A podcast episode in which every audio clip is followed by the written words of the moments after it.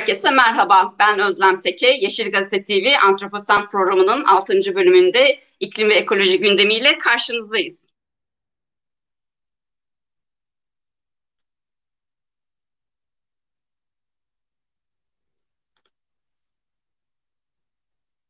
Pardon sesimi açmamışım. Merhabalar Antroposen'in 6. E, bölümünde karşınızdayız. E, bu hafta e, önemli gelişmeler oldu. Özlem e, bu görüşme, gelişmelerin bir kısmını yakından takip eden birisi Yeşiller Partisi'nin kuruluşunun engellenmesiyle ilgili bir e, absürt bir dava var. E, bu e, bununla ilgili gelişmeleri detayları senden dinleyebiliriz. Ee, teşekkürler Sedat. Evet, e, direkt e, olayların e, birebir tanığı olarak sürecin içindeyim. E, sen de biliyorsun aslında e, Yeşillerin e, dava süreci uzun süredir devam ediyor. Ee, biz 21 e, Eylül 2020'de belgelerimizi aslında bakanlığa teslim ettiğimizde e, klasik prosedür gereği kurulduğumuzu düşünmüştük ama e, o dönem Covid pandemisi nedeniyle memurlara ulaşmakta bir takım sorunlar yaşayarak alındı belgemizi o anda teslim alamadık. Bir süre e, iletişim devam etti bakanlıklarımızda. E, bazı belgeler bizden tekrar istendi, onlar verildi ama Ekim ayının ortalarından sonra e, bakanlıkla ilişkimiz tamamen kesildi. E, biz e, süreçte bütün diyalog kanallarını kullanmaya çalıştık, bakanlığa ulaşmaya çalıştık. E, CİMER üzerinden e, dilekçemizi verdik, belgelerimize ve durumumuza ne olduğu ile ilgili sorular yönelttik ama e, bize klasik e, işte şu şu maddeler gereği şöyledir gibisinden e, aslında hiç de durumumuzu açıklamayan bir takım yanıtlar verildi. 6 ayın sonunda e, bunun artık mahkemeyle çözülebilecek bir süreç olduğunu düşünerek e, mahkeme sürecimizi başlatmıştık. E, ve bu yaz e, gelinen noktada mahkeme bakanlıktan belgelerimizi birkaç kez talep etti. Bakanlık bu talepleri de yanıtsız bıraktı. E, mahkeme bu sefer dönüp bizden aslında bu kesinlikle böyle olmaması gerekiyordu. Tekrar belgelerimizi istedi. E, biz bunun kendi görevimiz olmadığını biliyoruz ama sadece sürecimizin ilerlemesini istediğimiz için, bir sonuca ulaşabilmek için hazırladığımız belgelerin bir örneğini tekrar mahkemeye sunduk ve en son bakanlık tekrar bizim hiç başvuru yapmadığımızla ilgili bir bilgi mahkemeye geçti. E, gerçekten bu an, e, yaşadığımız durumu günlük hayatla, günlük anlatım diliyle e, aktarmak da zor, anlamak da zor. O yüzden çok kez biz artık bunu edebiyatla açıklamaya çalışıyoruz. Böyle bir Aziz Nesinlik bir hikaye. Evet yani böyle Kafka ile Aziz Nesin arasında gidip geliyoruz diyebilirim. Ee, gerçekten e, özellikle Aziz Nesin dehası önünde sürekli böyle saygıyla eğilmek istiyorum ama Türkiye gibi bir ülkenin de ben e, bayağı bir e, fırsat verdiğini kendisini geliştirmede o da inanıyorum. E, bizim sürecimiz tamamen böyle. E, e, Türkiye'de e, bir parti daha var e, bizimle benzer süreçleri yaşayan ama e, bunun başka bir örneği yok. Çünkü daha kurulmadan bir partinin e, kapatılması olarak da görebiliriz e, yaşadığımız süreci. Evet ve e, hukuksal olarak da e, hiçbir şekilde e, bunun e, ve bizim siyasi bir savunma yapmamızın koşulları sağlanmıyor. Bir kırtasiye sürecine e, takılıp kaldığımızı söyleyebilirim. E, gerçekten bakanlığın hakkını e, yememek gerekiyor. E, böyle bir tablo. E, devlet işlerinde kırtasiyeyi azalttık diye e, uzun yıllardır propaganda yapılıyordu. E-Devlet'ti, işte başvurulardı, şunlardı, bunlardı. E, en nihayetinde gelinen noktada bir partinin kuruluşu için kırtasiye malzemesinin olmaması, eksik olunması, teslim edilmiş veya edilmemiş olması üzerinden bir bahane e, sürecine girdik. Acayip bir durum gerçekten. Yani Aziz Nesin'e rahmet okutan bir e, süreç. Aynen senin de söylediğin gibi e, zaten bu belgelerin birçoğu E-Devlet'ten alınıyor. Yani bu belgeleri yine İçişleri Bakanlığı'nın biz e, E-Devlet'te sağladığı sistem üzerinden temin edip kendilerine veriyoruz. E, ve e, Türkiye'de zaten siyasi parti kurma süreci kolaylaştırılmış bir süreç. Bu bir anayasal hak e, ve insanların toplumun siyaset yapmasının e, yolu önü açık. Ancak e, e, Türkiye'nin bu art seçime giden süreçte de e, daralan siyasi alanı içinde sanırım Yeşiller gibi bir partinin varlığı, e, bakanlığı her şekliyle rahatsız etmiş durumda. E, mahkemede e, yani bakanlık şunu yapamayacak.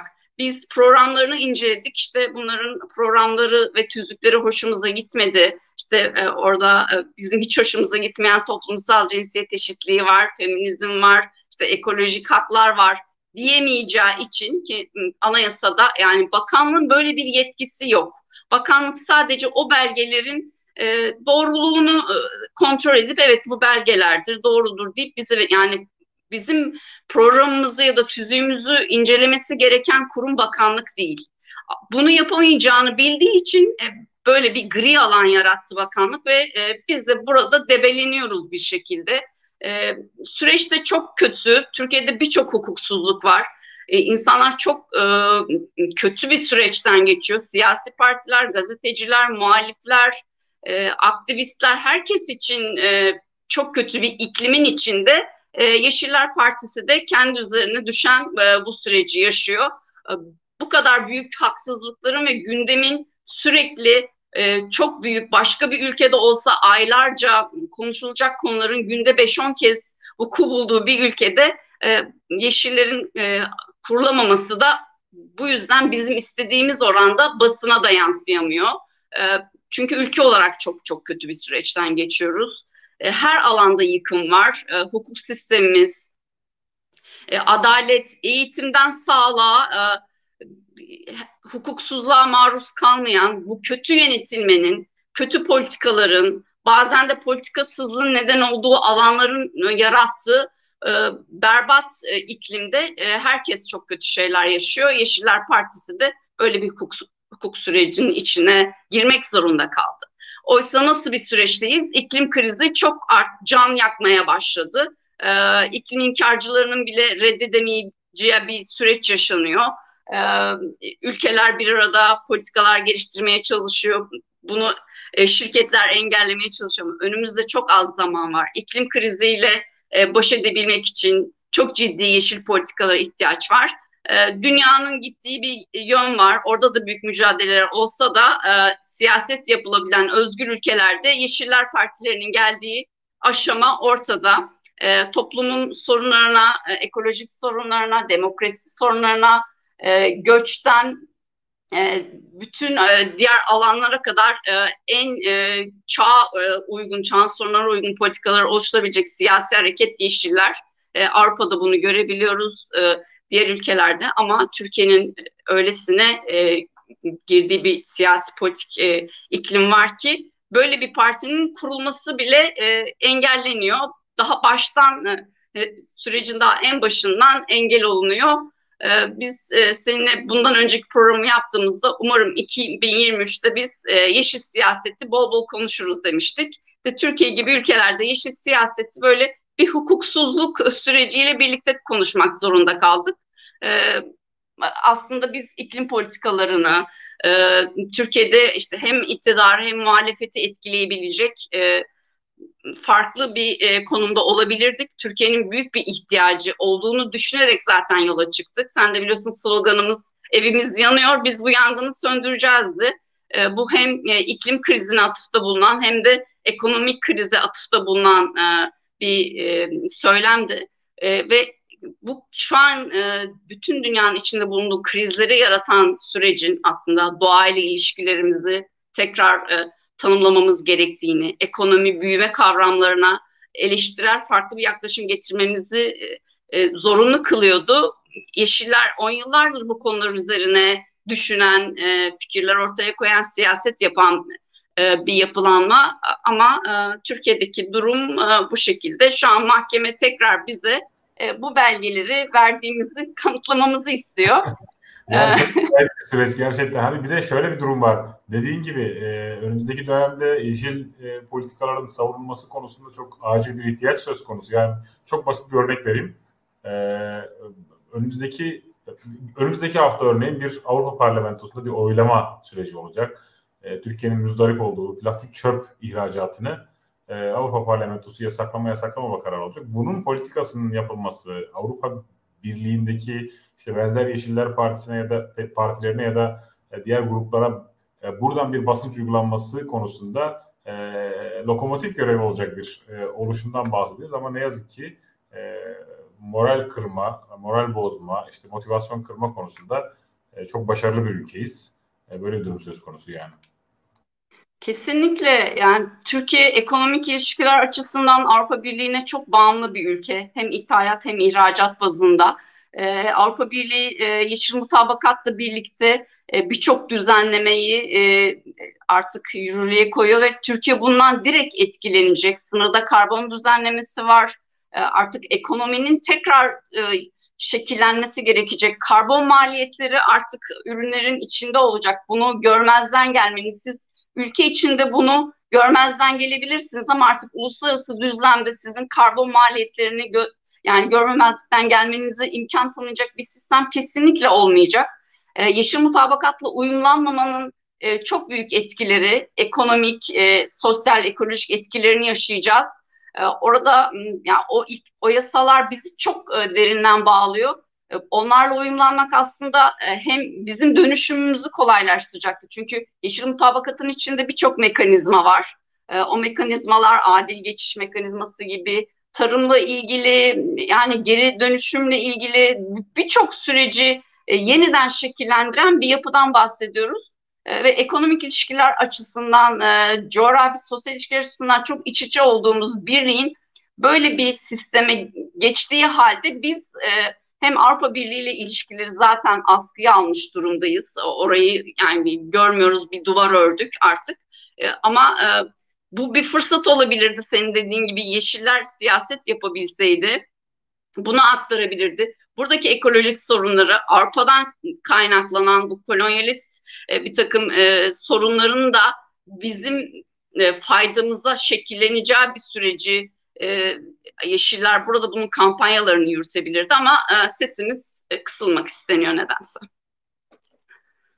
Evet, ne yazık ki böyle bir durum var. Hani bununla bağlantılı şöyle bir durum var. Türkiye'deki yeşil politikaların belirlenmesinde diğer siyasi partilerin programları elbette var. Yeni yeni programlar açıklıyorlar ama içerik ve nitelik açısından Yeşiller Partisi'nin kendi programının savunuculuğunu yapacağı çok önemli bazı gelişmeler yaşanabilirdi. Yaşanamıyor bu nedenle. Bunu savunucu, savunucu, savunuculuğu tüm platformlarda e, istenilen meşruiyetle beraber yani yasal meşruiyet, normalde bir meşruiyet problemi yok tabii ki ama yasal meşruiyetin de sağlanmasıyla beraber e, daha e, sağlıklı gerçekleşebilirdi. Örneğin şimdi İngiltere'de mesela şu anda tek kullanımlık e, plastiklerin bazıları yasaklanıyor. Şimdi biz e, poşetin 25 kuruş olup olmaması üzerinde bir e, eşiğe geldik. O eşikte kaldık. O eşiğe takıldık. Şimdi poşeti 25 kuruş yapanlar 25 kuruşa zam yapmadık diye övünmek durumunda kalıyorlar.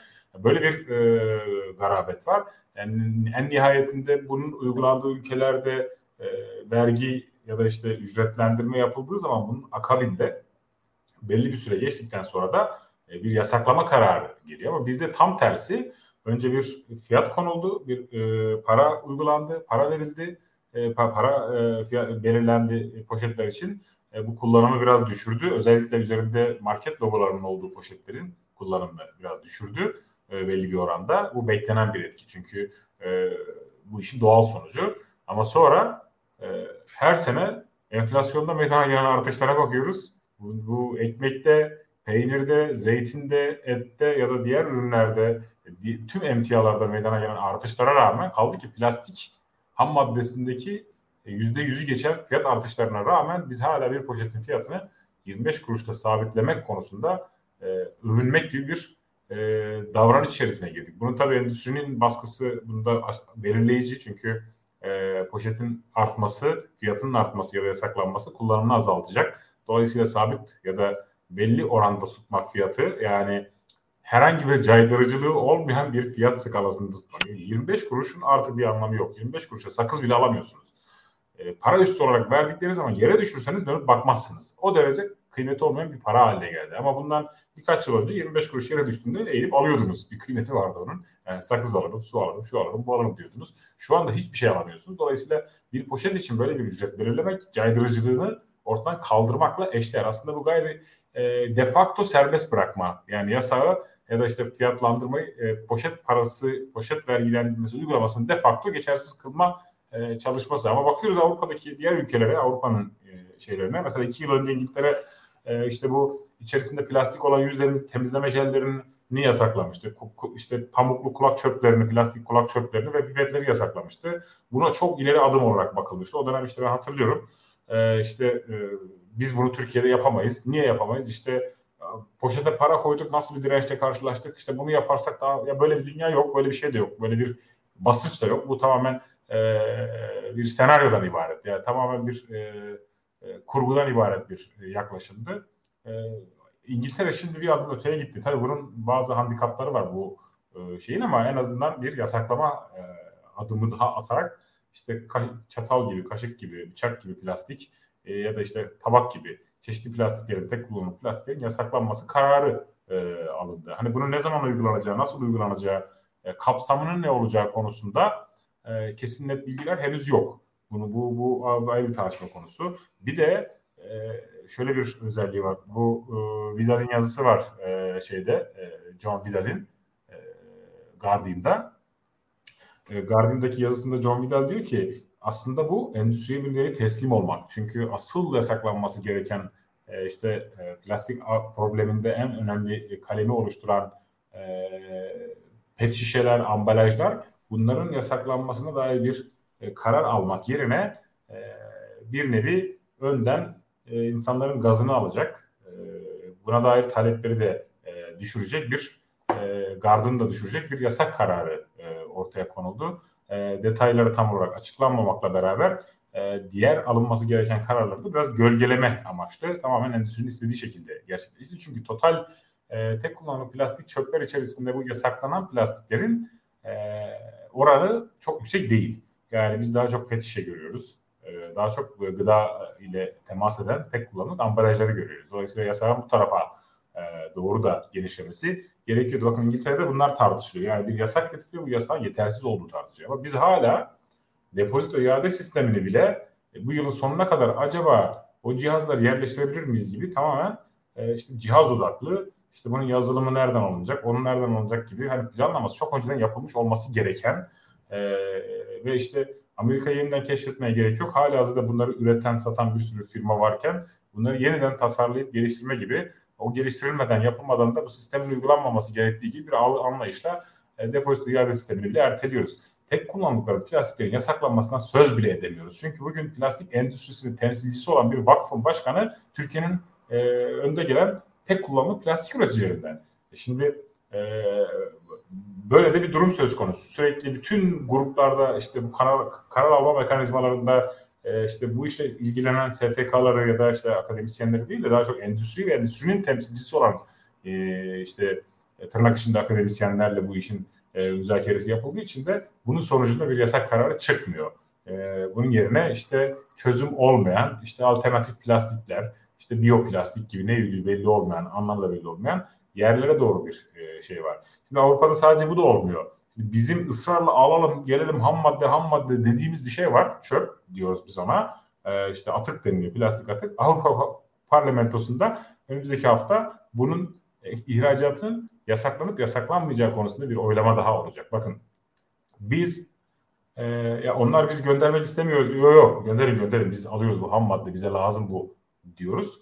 E, Avrupa e, parlamentosunda işte Avrupa parlamentosunun çevre komisyonunda bunun tamamen yasaklanması, Avrupa e, sınırları dışına çıkmaması. Çünkü e, Avrupa sınırları dışına çıktığı zaman kontrolün imkansız hale geldiği, çevre problemi yarattığı, e, halk sağlığı problemi yarattığına dair kaygılarla bunun yasaklanması gibi bir e, durum söz konusuyken ki Avrupa'daki bu arada gönderen firmalar yasaklanmasını istemiyor. Hani burada Türkiye'de şöyle bir algı yaratılıyor. Ya işte bu ham madde mücadelesi var da işte neymiş oradaki firmalar göndermek istemiyormuş da o yüzden de karalama yapıyormuş. Alakası yok bu arada. Yani gerçeği ters yüz etmek. Yani bambaşka bir yalan söyleme çeşidi. Avrupa'daki büyük ihracatçılar Avrupa Parlamentosu'nun çöp ihracatının yasaklanması, plastik atık ihracatının yasaklanmasını istemiyorlar. Hatta buna dair geçtiğimiz haftalarda bir deklarasyon da yayınladılar. Bir bildiri de yayınladılar. Dediler ki Yok efendim bu döngüseldir, sürdürülebilirdir, şöyledir, böyledir. Bunları Türkiye gibi ülkelere gönderelim, orada kontrol edelim ne olduğu.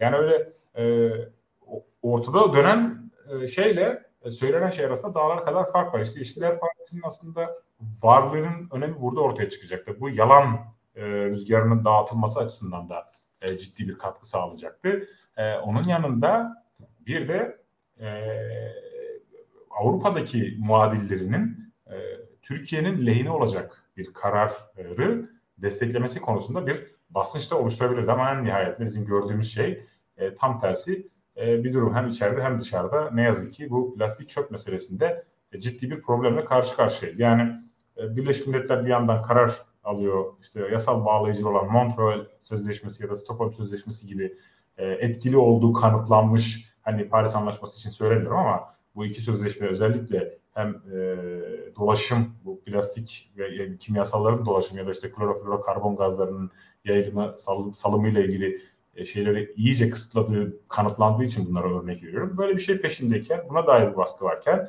işte plastik e, tüketiminin, üretiminin e, insan hakları, kadın hakları, çocuk hakları, işte halk sağlığı gibi, e, cinsiyet eşitliği gibi, işte e, çevresel ırkçılık, adaletsizlik gibi kavramlarla ilişkili olduğuna dair e, bizim burun büktüğümüz ülkeler tarafından, burun kıvırdığımız ülkeler tarafından deklarasyonlar yayınlanırken e, biz de işte polipropilen tesisi, işte PET petrokimyası, işte tereftelik asit tesisi, işte e, polistiren tesisi gibi son derece tehlikeli hem kamu güvenliğini hem ülke güvenliğini tesis edebilecek teknolojilerin e, yatırımlarını yapmakla e, meşgul oluyoruz. Böyle bir sıkıntı var. Sadece o da değil. Yani bu şimdi bu kadar şeyi üretiyoruz biz. E, bu kadar şeyi ürettiğimiz e, şeyin bir de etkisi ortaya çıkıyor. Bilmiyorum eğer bununla ilgili bir şey e, söylemek istediğim bir şey varsa ondan sonra devam edeyim yani. Tamam ya evet bu üretime vurgu yapılmaması e, küreselde de bir sorun. Türkiye'de senin bahsettiğin gibi zaten e, çevre politikaları e, çok kolay manipüle edilebiliyor, engellenebiliyor. Şirket baskıları işte belli oluşumlar, e, lobiler e, çok kolay e, bizim büyük bir mücadeleyle elde ettiğimiz bir adımı e, geriletebiliyorlar. E, şu İngiltere'deki yasada da yani bu petrokimya endüstrisi dev bir endüstri. Ülkelerin ekonomisinde çok önemli bir yeri var. E, büyüme odaklı e, e, ekonomi politikalarında işte istihdam gibi ülkelerin e, bir takım e, ekonomik verileri açısından önemli bir yer kaplıyorlar ama aynı zamanda da ekolojik olarak da çok büyük yıkımlara sebep olan bir endüstriden bahsediyoruz. E, bir de şöyle bir durum da var e, iklim kriziyle ilgili politikaların güçlenmesi e, petrol şirketlerini bir ikinci B planı olarak e, bu petrol endüstrisine de yöneltti. Hatta yani Shell'in de bu konuda çok büyük yatırımlar yapmaya başladığını da e, görebiliyoruz. Yani şirketler e, bu politikaları geriletmek için e, her şeyi yapabiliyorlar ülke politikalarında da ve sadece sorumluluğu bireylere, e, tüketicilere atfeden bir takım e, yaklaşımlarla da aslında süreci e, yavaşlatabiliyorlar.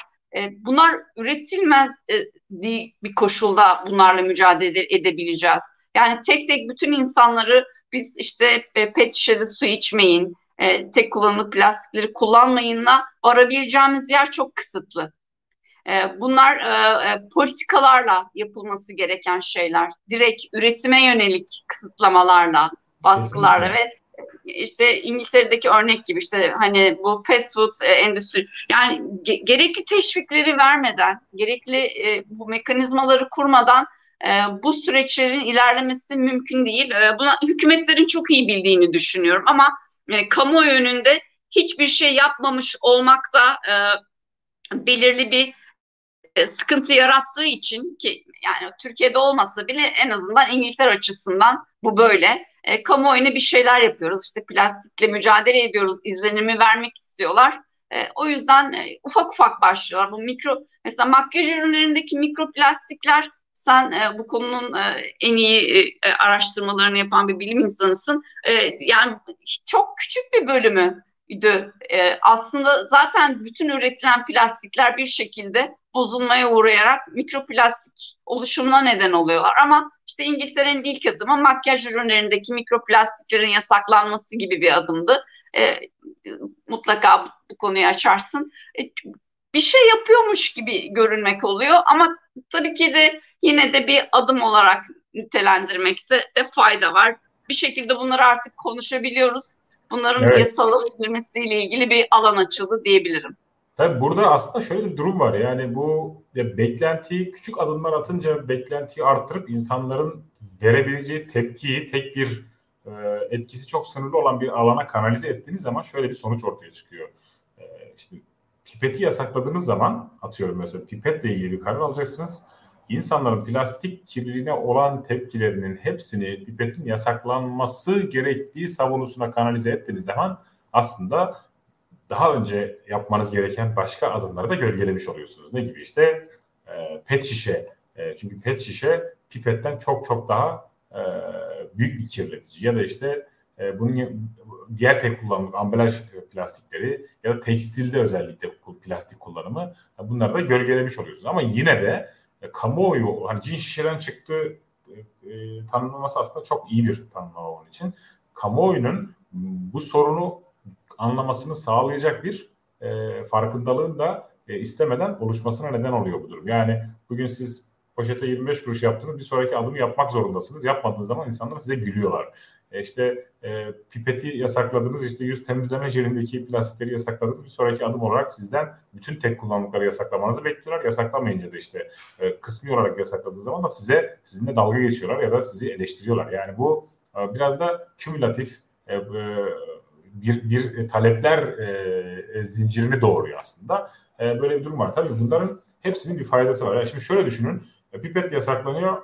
E, bu çok bir kalem değildi ya. Buna e, bu da, bunu da çok abartmayalım. Ama öyle değil. Bakın e, kaplumbağanın burnundan pipet çıkartıyorlar. Yani bu bile başlı başına aslında e, yeterli bir neden, yeterli bir gerekçe. Yani bu hayvan hakları meselesi tartışılırken de e, hayvan hakları meselesini tartışırken de sürekli e, işte evcil hayvanlar üzerinden tartışmanın da ne kadar absürt olduğunu gösteriyor. Hayvan hakları savunusunun plastik kirliliğiyle de bağlantısını buradan kurabiliyorsunuz. Bakın bugün biz hep böyle büyük deniz memelilerinin ya da deniz canlılarının e, plastikten dolayı öldüğünü e, anlatan çeşitli görüntüler, e, haberler görüyoruz. E, dolayısıyla burada bir e, hayvan hakkı ihlali söz konusu, yaşam hakkı ihlali söz konusu. E, ama buna dair kimsenin e, sağlıklı bir e, bir program açıkladığını da göremiyoruz. Çünkü e, tahayyül edilen hayvan hakları e, meselesi burayı biraz kapsamıyor. Burası biraz ikinci e, plana işte doğa koruma şemsiyesine atılmış. Halbuki alakası yok. Aslında bu bambaşka bir savunu alanı olması lazım. Çünkü sadece plastikte tesis etmiyor. Bakın işte geçtiğimiz hafta Urla'da e, yani bir trajedi yaşandı. E, bir de bunu sergilediler. Bu en büyük utanç verici şey. E, bu kadar büyük bir hayvan öldürülüyor ve bu hayvan sergileniyor. Bu yenmiyor deniliyor. Mesela diyor ki bunu yemiyorlar niye avladılar? Hayır öyle düşünmeyin. Kedi köpek mamalarının içerisine bu hayvanların etlerini koyuyorlar ya. İşte geçtiğimiz yıllarda e, İngiltere'deydi yanılmıyorsam yapılan bir araştırmada bilindik kedi köpek mamalarının içerisinde nesli tehlike altında olan bizim bycatch dediğimiz yani hedef dışı av diye nitelendirilen e, işte e, balıkçılık terminolojisinde, balık balıkçılık bilimi terminolojisinde hedef dışı av olarak e, nitelendirilen aslında avlanmaması gereken ama bir şekilde e, yanlışlıkla ağa takılan, ağa dolaşan canlıların büyük çoğunluğu işte bu nesil tehlike altında olan ya da işte koruma altında olan türlere ait. Bunlar da yakalandığı için bunların da bir şekilde ekonomik değere e, dönüştürülmesi gerekiyor. E, ekonomik balıkçılık ekonomisi e, kafasıyla düşündüğünüz zaman ya da işte balıkçı kafasıyla düşündüğünüz zaman işte bunları alıp götürüp bu, bu sektörlerde değerlendirirler. Şimdi o e, Urla'dakini hadi bir şeyin müzesine kaldırdılar, bir üniversitenin müzesine kaldırdılar ama benim bildiğim, duyduğum mesela orada daha küçük e, köpek balıklarının e, ağa takıldıktan sonra canlı haldeyken tekrar takılmasını öldürülüp geri denize atıldığını ben biliyorum. E, bunların bir kısmını alıp götürülüp işte çeşitli yem fabrikalarına satıldığını e, duyuyoruz. Bunları ispatlayamıyoruz ama duyuyoruz. Bunu söylüyorlar. Balıkçılar kendileri de söylüyorlar. E, bu da tabii tek sorun balıkçının da değil. Sonuçta e, bu bir e, ulusal e, strateji ile e, korunması, kullanması, geliştirilmesi gereken bir alan. Ama nihayetinde bakıyorsunuz işte neymiş? Ağa takılmış da ölü olarak e, şey utanmasalar teslim ol çağrısına ateşle karşılık verdi. O yüzden öldürdük diyecekler. Yani bu kadar e, absürt bir yaklaşım var bu işe. Sonra da götürdüler limanda sergilediler. Yasak bakın bunun karaya çıkartılması, karaya çıkart, çıkartım, avlanmasını geçtim. Avladınız getirip karaya çıkartıp sergilenmesi yasak. Bunu balıkçılar yapıyor. Bunun denetlenmesi, bu işin cezai müeyyidelerinin uygulanması gerekiyor. Şöyle bir durum yok. Yani birisini öldürdüğünüz zaman ya işte yanlışlıkla geldi mermiye çarptı diyemiyorsunuz. Sonuçta cinayet aleti sizin elinizdeyse yani burada balıkçı ağı olmuş oluyor. Siz de bunu yakalamışsanız bu da yasaksa bunu getirip sergiliyorsanız bunun bir cezai yaptırımı olmak zorunda. Ya çok acayip yine aynı bölgede geçtiğimiz yıllarda bizim bu manta vatozu dediğimiz e, işte böyle kanatlı siyah beyaz bazen belgesellerde çıkar suyun üstüne çıkıyor uçuyormuş gibi e, yüzen bir balık var. E, çok güzel bir balık. Çok güzel bir canlı. E, manta vatozundan 20-30 tanesini bakın bunun yenmediği, ekonomik değeri olmadığı bilindiği halde balıkçılar gırgırla çeviriyorlar, çıkartıyorlar, getirip yine limanda sergiliyorlar. Bakın bu koruma altında olan, e, nesli tehlike altında olan ya da koruma altında olan e, kırılgan türler bunlar. Bunların böyle aleni bir şekilde getirilip sergilenmesi ortada bir sistemsel bir problemin olduğunu gösteriyor. Burada bir denetim açısından çok ciddi bir eksiklik olduğunu gösteriyor. Yani bunun karaya çıkartılıp öldürülüp sergilendikten sonra buna ceza kesmenin de bir manası yok. Yani. Çünkü o cezalar da yap caydırıcı olmuyor. Yine Mudanya'da olmuştu geçtiğimiz yıllarda. Yine bir köpek balığı e, takılmıştı. Yine Erdemli'de biz görmüştük. E, bir, bir balina, e, şimdi böyle bir durum var. Bu balina görünüyor. E, yüzerken kameraya çekiyorlar. Aradan bir hafta geçiyor balina ölüyor. Ölü olarak kıyıya vuruyor. Buradaki büyük dev, deniz devleri dediğimiz işte e, deniz dev canlılarının akıbeti bu olur. Bir kaplumbağa, bir yunus, bir fok bunlar hep benzer akıbetle e, karşılaşıyorlar. Neden? Çünkü işte bir tane profesör vardı. ismini anmaktan bile imtina ediyorum. İşte Yunuslar balık e, hamsi yiyormuş da o yüzden rekabet ediyormuş. Ya böyle bir yaklaşım olabilir mi? Bu yaklaşımda balıkçıyla aynı aynı kafa bu.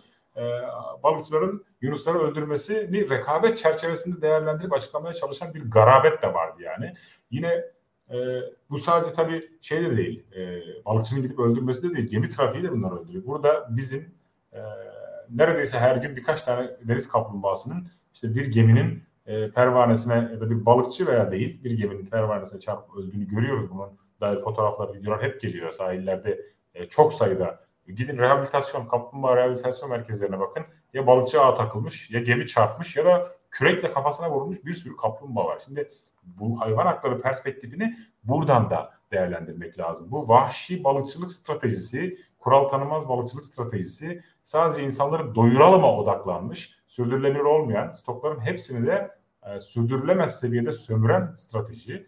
E, denizlerde sahip olmamız gereken balıkçı teknesi sayısının neredeyse 3-5 misli sayıda balıkçı teknesine sahip olmamız, balıkçı filosuna sahip olmamız e, bu sorunların ana kaynağı. Şimdi sonra da gidiyorsunuz, vay efendim biz balıkçılığı geliştirmek için resif atıyoruz diyorsunuz. Resife attığınız yerde yabancı istilacı türler oraya e, şey yapıyor. Yani düğümü yanlış bağlıyorsunuz. Ondan sonraki yaptığınız tüm adımlarda o yanlışı besleyen adımlar oluyor. Ya bu hem hayvan hakları perspektifinden hem çevre hakları perspektifinden hem e, üretim ekonomisi perspektifinden e, birlikte değerlendirilmesi gereken e, bir mesele. Bugün plastik kirliliğinde yine bu minvalde değerlendirmek lazım. Dolayısıyla senin söylediğin çok doğru. Yani insanlara e, bunu tüketmeyin demek bir yere kadar anlamlı ama bu sorunun çözümü bu değil. Bu söylediğimiz şey yani insanlara plastik az tüketin demek sorunun çözümü için söylenebilecek bir şey değil. Plastik az tüketin demek insanlara plastiğe olan maruziyetiyle ilişkili. Asıl söylememiz gereken ya çok fazla plastik üretiyoruz. Yani bunu azaltmamız lazım. Yasaklamamız lazım. Çevre için yasakçı olmak zorundayız. Başka çaresi yok. Yani çevre için yasakçı olmazsak yani çevre koruma açısından yasakçı olmazsak e, e, ya bir e, ormanın e, katledilmesini insanları eğiterek engelleyemeyiz maalesef. Yani ağaç kesimine, madencilik faaliyetinin ormana zarar vermesine, işte balıkçılık faaliyetinin stokları aşırı sömürmesine, eğitim faaliyetini düzenlemek mümkün değil. Orada sınırlar kesin, net çizgiler, caydırıcı önlemler olması gerekiyor. Kesinlikle bu yani insan merkezli bakış açısının bizi getirdiği e, noktada e, hayvanların e, yaşam haklarının hiçbir şekilde önemli olmadığını görüyoruz. Yani e, insanların beslenmesi için ya da başka amaçlar için meta haline dönüştürülebiliyor. Soyu tükenmekte olsa bile bir canlının e, öldürülmesi e, çok doğal gelebiliyor oradaki insanlara. Yani balıkçılar da hem politikasızlığın e, neden olduğu bir takım durumlar nedeniyle hem de bu yani artık e, kodlarımızda olan hayvana bakış açımızla ilgili birçok sorun nedeniyle senin dediğin gibi e, çok normal bir şey yaptıklarını düşünüyorlar. E, o e, canlının yaşam hakkını tamamen hiçe sayabiliyorlar çok kolaylıkla öldürebiliyorlar. Kendi ekonomik bir takım çıkarlar için ki Türkiye'deki balıkçılık politikalarının hiçbir şekilde sürdürülebilir olmadığını e, çok iyi biliyoruz. Ekosistemin e, çökertildiğini, deniz ekosistemlerimizin çok kötü durumda olduğunu.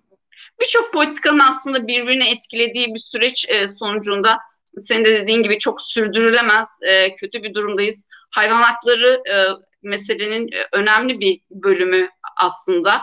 E, bu hiç dillendirilmiyor. Türkiye'deki hayvan hakları e, daha çok gündeme senin de dediğin gibi evcil hayvanlar üzerinden e, getirilebiliyor ki bu konuda da çok büyük e, katliamların yaşandığı, hala yaşanabildiği bir ülkedeyiz. E, evcil hayvanlara, sokak hayvanlarına bile e, yaklaşımımız çok sakat. Ama bunun dışında e, ekosistemin e, önemli bir parçası olan diğer canlılara, diğer türlere e, hiçbir şekilde e, bir e, saygı ve koruma ile ilgili e, yaptırımların olmadığı e, politikalarla yönetiliyoruz. İnsanlar da bu e, politikalarla e, şekillenmiş bir durumdalar. E, çok e, önemli bir canlı e, gerçekten var olması için aslında e, teşekkür etmemiz gereken bir canlıyı görüp öldürebiliyoruz. Bunu sergileyebiliyoruz. E, yani sanki böyle yüzyıllar öncesinin değil mi kolonyalist dönemlerin şeyleri gibi görüntüleri gibi e, oysa bir aşama kaydedilmesi gerekiyordu e, hayvan hakları açısından ekolojik haklar açısından bunun mücadelesini veren e, e, aktivistler var işte siyasi alanda var e, sivil toplum var ama e, birileri iki geri Türkiye'nin e, iklim politikaları da diğer e, politikaları da ne yazık ki bu şekilde ilerliyor. E, yani umarım e, daha iyi e, haberler verebileceğimiz bir şey olabilir, ortam olabilir. Biz de bu iyi haberleri veririz ama şimdilik ne yazık ki böyle kötü haberleri vermek zorunda kaldık. Evet yani dediğin gibi ne yazık ki hala Orta Çağ döneminin görüntüleri yani işte Moby Dick izlemişsinizdir, okumuşsunuzdur belki kitabını. Yani birçok işte o dönemi anlatan, bu keşifler çağı dedilen, e, kıyım dönemini anlatan e, kitaplarda, filmlerde e, bu görüntüler var. Yakalanan balina e, sergileniyor. E, ya da işte hala e, Orta Çağ e, şeyiyle balıkçılık sergilemesi, seremonisi yapan Japonya'nın bu e, sushi için e, neredeyse neslini e, ortadan kaldırma e, düzeyine getirdiği mavi yüzgeçli orkinos e, sergilemesi e, meselelerine benzer şekilde e, artık yeni döneme e, canlılığa sığma, insanlık demiyorum çünkü tam olarak bu insanlığın yaptığı bir şey, bu insanlığa sığan bir şey olan bahsettiğimiğimiz e, canlılığa sığmayacak bir görüntü yani. E, doğadaki o beslenme ilişkilerini e, kurgulamayı biz artık e, doğadan doğayı sadece e, kendi lehimize dönüştürecek ve e, ondan ona, onu sömürecek e, bir formda e, görmeye gelişimizin göstergesi. Umarım dediğin gibi Antroposen'de ilerideki programlarda burada belki bir sonraki e, programda Avrupa'nın e, plastik çöp e, ihracatını yasakladığı e, haberini e, konuşuruz belki. Ya da işte oldu ya kafalarına taş değdi. E, Türkiye'de de benzer bir e, e, tek kullanımlı plastiklerin yasaklanmasına dair bir irade ortaya çıktığını konuşuruz. Belki e, işte avlanma derinliğinin e, avlanma derinliğinin e, işte Boğaz'da bilmiyorum İstanbul'da görmüşsündür. Neredeyse yalıların üstünde gırgır teknesiyle balık avlayacaklar. O derece e, ciddi bir e, şey var. Vahşi avcılık var. Bunların ortadan kalktığı günleri konuşacağımız antroposen programları olur diye umuyoruz ama ne yazık ki şu anda böyle bir emare yok. Evet, evet. Belki Yeşiller Partisi de kuruldu deriz. Peki o zaman e, iyi haberleri verebileceğimiz başka bir antroposende görüşmek üzere. Hoşçakalın. Evet, herkese iyi hafta sonları.